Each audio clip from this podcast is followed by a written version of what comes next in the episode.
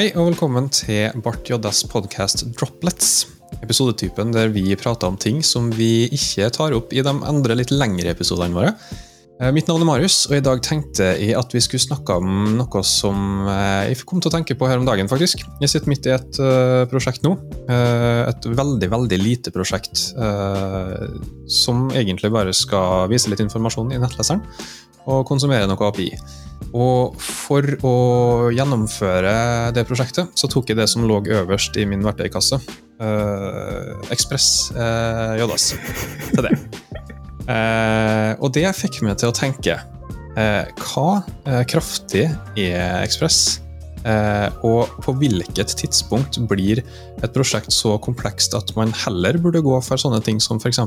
Java eller .net? Eh, det var det som slo meg.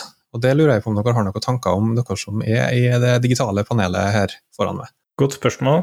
Det jeg tenker umiddelbart Jeg kan ikke så fryktelig mye om det her, men det jeg tenker umiddelbart, er hvor eh, distribuert du kan kjøre serverne dine og endepunktene dine. At du liksom kan Hvis du kan ha 1000 Ekspress kjørende, da, så er det Da går det helt fint, liksom. Men hvis du skal ha én eh, server som skal ta imot alt sammen, så må du ha noe Men da går, går det ikke spesifikt på Ekspress, men mer på Javascript, da. Og hvordan den håndterer det. Um, Det er det jeg tenker umiddelbart.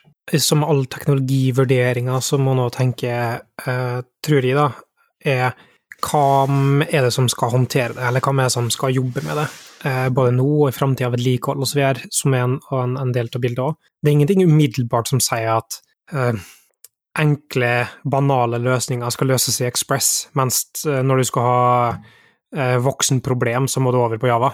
Sant? Mm. Eh, det er ikke noe automatikk i det på den måten. Eh, og de løser, kan løse det samme, og så kan de løse forskjellige ting.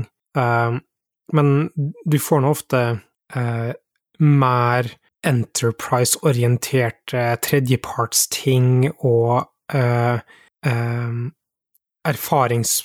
Altså, hva skal jeg si eh, Med å eksempel være Spring og Java og sånne ting, så er det mange som er mer orientert rundt enterprise-løsninger, som har kompetanse på det, som kan brukes på det nivået, da. Og så mens ting som Express kanskje har en, har en eh, eh, fordel hvis du bruker et, en, server som hoster uh, fronten din, med at det er den samme teknologien som gjør at du kan bruke en del fordeler der. Men det kommer litt an på om det er en ren grensesnitt eller ikke. Uh, så jeg vet ikke Det er vanskelig å liksom svare enten for eller imot på for min del, da. Uh, jeg ville sikkert aldri ha brukt Java, men um, jeg kunne for eksempel ha brukt .NET og .NET Core eller 5.0 eller hva det er for noe nå, da, i enkelte situasjoner.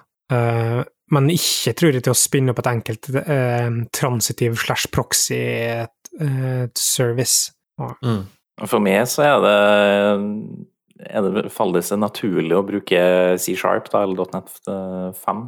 Så, men det er jo rett og slett fordi jeg syns jo at statisk typing er noe som eh, på en måte hører på plass da, eh, på backend. Og så kan du jo få det med TypeScript, da, men eh, Ikke på samme måte, da, nødvendigvis. Nei. Så det er Eh, kanskje en av de litt større sånn eh, Du har jo det med enterprise-iness, da, at eh, det er ikke så masse enterprise-ting, ja, rett og slett, i Node. Eh, Det har du masse mer av i de andre statiske språkene. Men eh, en annen, et annet problem som vi ser, da, er et problem man deler litt med Python. Eh, Det med at man ikke har eh, tråder eh, som For meg så virker det som at det gjør det litt mer vanskelig å ha en høyytelsesserver.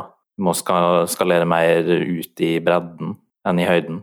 Ja, det kommer an på hva slags type arkitekturmodell du setter opp. det. Hvis du har, legger opp til en liksom lambda-arkitektur som baserer seg mye på horisontal skalering og oppskalering eller fanning eh, i, i servicer, så har kanskje ikke det så mye å si igjen. Eh, og så Mm. kommer man på hva problemdomenet er. det en CPU-intensitiv oppgave eller en IO-intensiv oppgave? Mm. Um, men så finnes det også andre typer ting som, som er å uh, vurdere, da. Andre typer plattformer og språk som, som går an å. uh, men uh, det finnes Det kan være eh, tilfeller der du har heftig signering av ting, eller eh, kryptografi, eller eh, GRPC eller, Altså det er forskjellige typer teknologier som best er godt støtta i andre typer plattformer enn f.eks. Javascript, også, da, som eh, går inn i, i vurderingene. Ja. Mm. Så hvis jeg skal prøve å, å skape en konklusjon, da, så handler det ikke like mye om hvor robust de forskjellige teknologiene er, men det handler mer om hvilke tredjepartsmuligheter de har, og hva teknologier, de tilgjengelige ressursene du har som skal kode det, kan. Det er mer avgjørende for hvilken teknologi man velger. Har jeg da forstått det riktig? Ikke nødvendigvis tredjepartsbære, da, men hva slags eh, type støtte er det i plattformen som tilgjengeliggjør spesifikke teknologier? Mm. Mm. Mm. Da har jeg blitt litt mer klokere, i hvert fall. Jeg fikk svar på spørsmålet mitt. Eh, takk for at du hørte på denne episoden av Bart Joddas podkast Droplets. Vi høres i neste episode.